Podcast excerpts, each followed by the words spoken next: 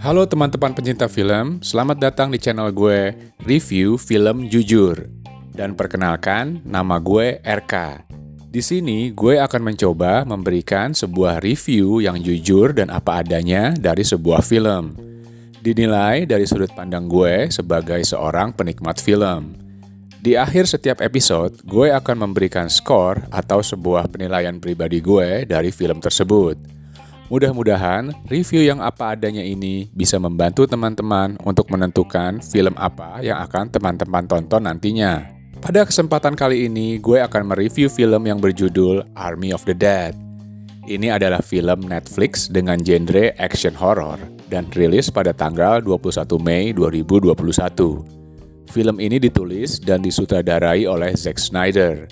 Ini adalah film kedua Zack Snyder yang bertemakan zombie. Film pertamanya yang mengusung tema zombie adalah film berjudul Dawn of the Dead yang rilis pada tahun 2004. Sebelum gue mereview lebih jauh lagi, pertama gue harus kasih peringatan bahwa film Army of the Dead mengandung semua unsur yang membuat film ini masuk ke dalam kategori R atau restricted.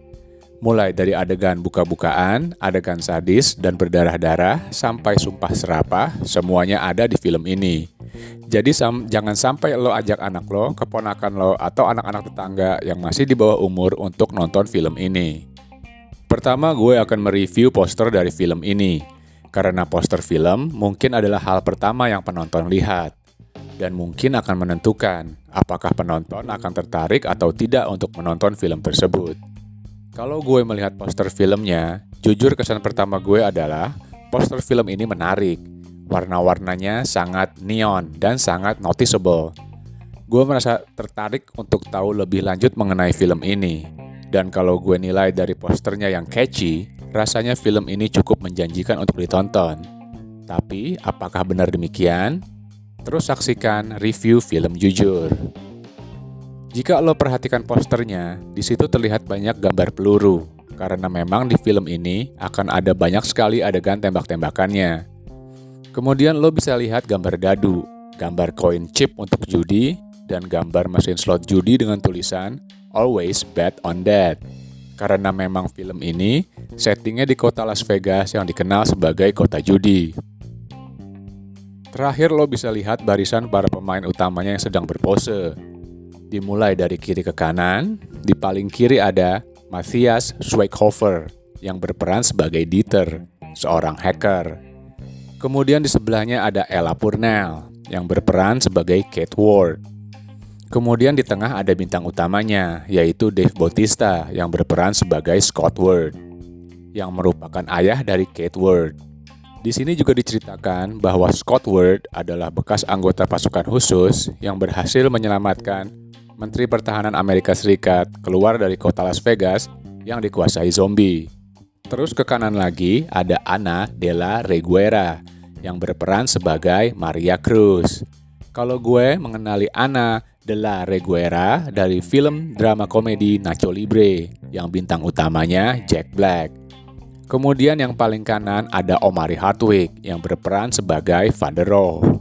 Berikutnya gue akan mereview sedikit saja mengenai cerita film ini, supaya nantinya nggak jadi spoiler. Premis dari film ini menarik, kalau umumnya pada film zombie lain, orang-orang berusaha menyelamatkan diri dan menjauh dari zombie. Maka di film ini, justru tim yang dipimpin oleh Scott Ward mencoba masuk ke dalam kota Las Vegas yang sudah diisolasi karena sudah dikuasai zombie. Alasan mereka adalah uang. Mereka mencoba masuk ke dalam wilayah yang penuh zombie untuk mengambil uang sebanyak 200 juta US dollar milik salah satu kasino yang mana uang tersebut ditinggalkan begitu saja karena serangan mendadak dari zombie. Cerita diawali dengan setup bagaimana awal mula kota Las Vegas bisa dikuasai zombie.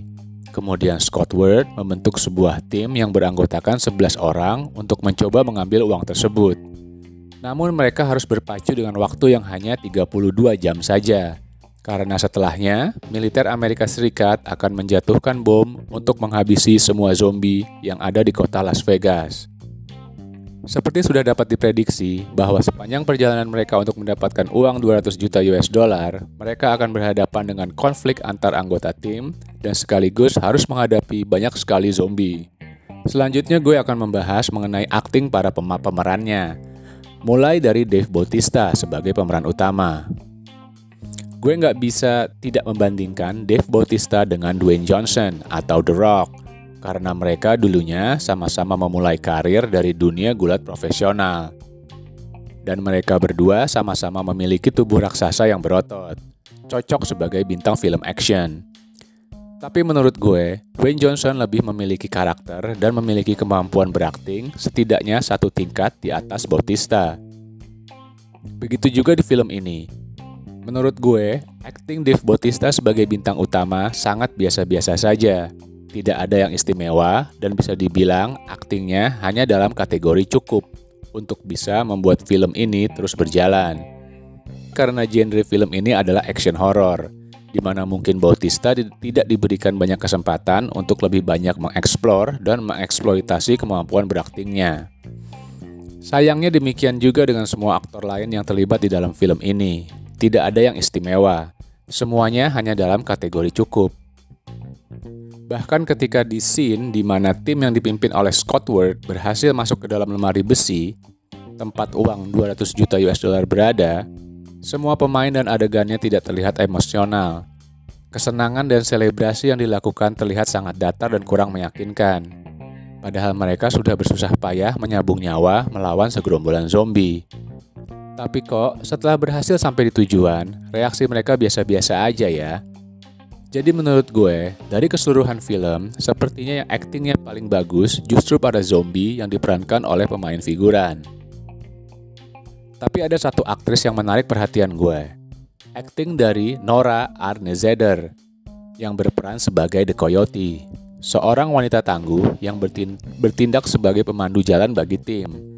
Menurut gue, dia adalah tokoh yang perannya sangat believable buat gue. Walaupun aktingnya tidak bisa dibilang istimewa, tapi menurut gue, tokoh Coyote lah yang paling meyakinkan. Berikutnya gue akan mulai memberikan penilaian mengenai kelebihan dari film ini. 1.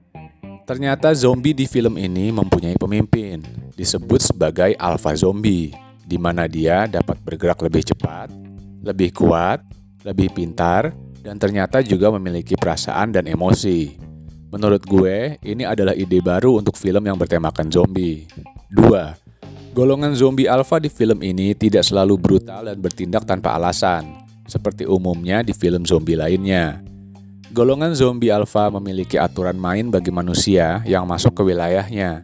Dan selama manusia yang memasuki daerahnya menghormati aturan tersebut, maka para zombie pun akan menghormati aturan main tersebut.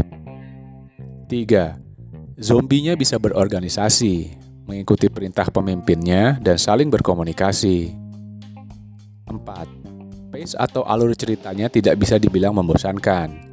Menurut kategori gue, cukuplah Ketika gue merasa seperti sudah satu jam menonton, ternyata kenyataannya memang sudah satu jam. 5. Makeup zombinya terlihat nyata dan mengerikan. Standar film-film besar Hollywood. Keren lah menurut gue. 6.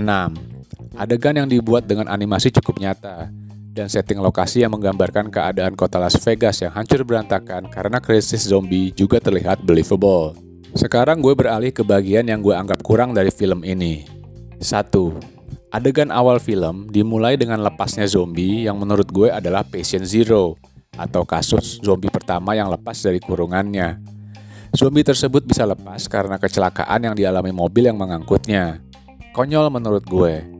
Ketika zombie yang dianggap sangat berbahaya jika terlepas dan kabur, ternyata kandangnya tidak dibuat dengan ekstra-ekstra kuat. Bahkan dengan kecelakaan mobil saja, kandangnya bisa terbuka sendiri.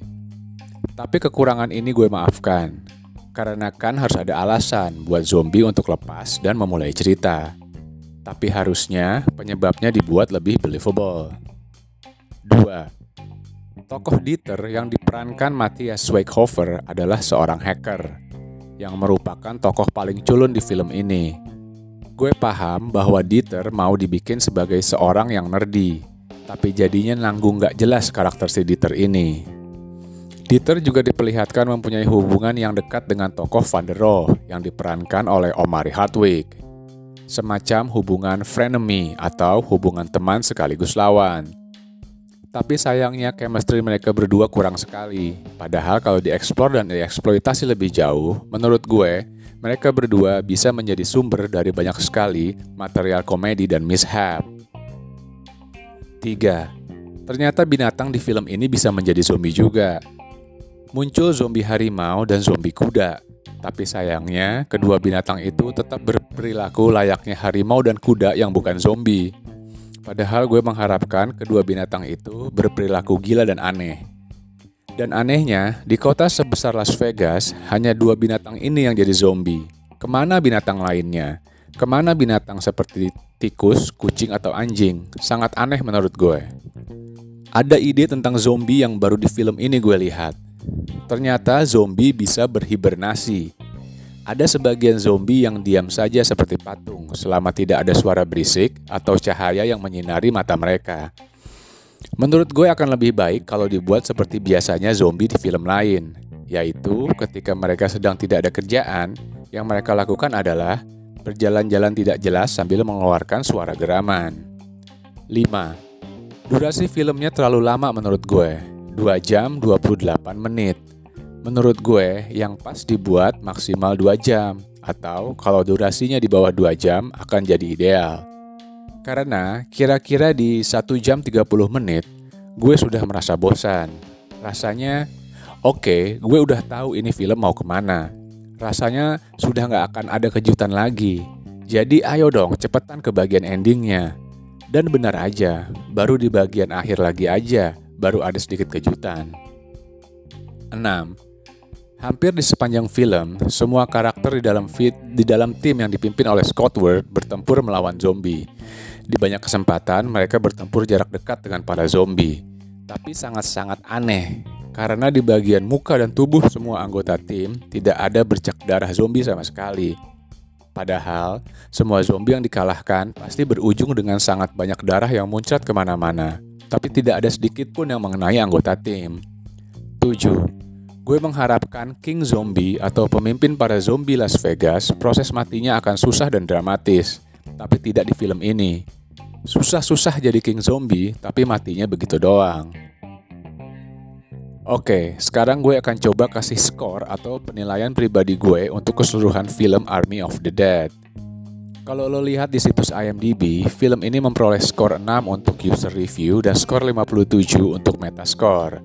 Sementara di situs Rotten Tomatoes, film ini dapat 70% di Tomatometer dan 76% audience score. Dan di review film jujur kali ini, gue akan kasih film Army of the Dead skor 5,6 dari 10. Kesimpulannya, menurut gue, film Army of the Dead adalah film yang overhyped dan overrated. Banyak sekali media dan orang-orang yang membicarakan tentang film ini. Entah itu adalah strategi marketing atau apakah itu efek dari kegaduhan Snyder Effect di film Justice League Snyder Cut. Menurut gue, kalau lo mengharapkan hiburan yang ringan tapi penuh aksi perkelahian, tembak-tembakan, dan lo tidak begitu mempermasalahkan detail, maka film ini oke-oke aja untuk lo tonton. Ketika lo sedang capek dan tidak mau banyak berpikir, atau ketika lo mengharapkan sebuah mindless movie, maka lo bisa coba nonton ini. Karena gue akuin, gue juga kadang-kadang membutuhkan film yang straightforward macam gini, supaya bisa bikin gue ketawa-ketawa kecil. Oke, sekian dulu episode kali ini dari channel review film jujur. Mudah-mudahan review apa adanya tadi bisa menolong lo memutuskan film apa yang akan lo tonton. Gue RK mohon pamit dan sampai jumpa di episode review film jujur lainnya. Bye.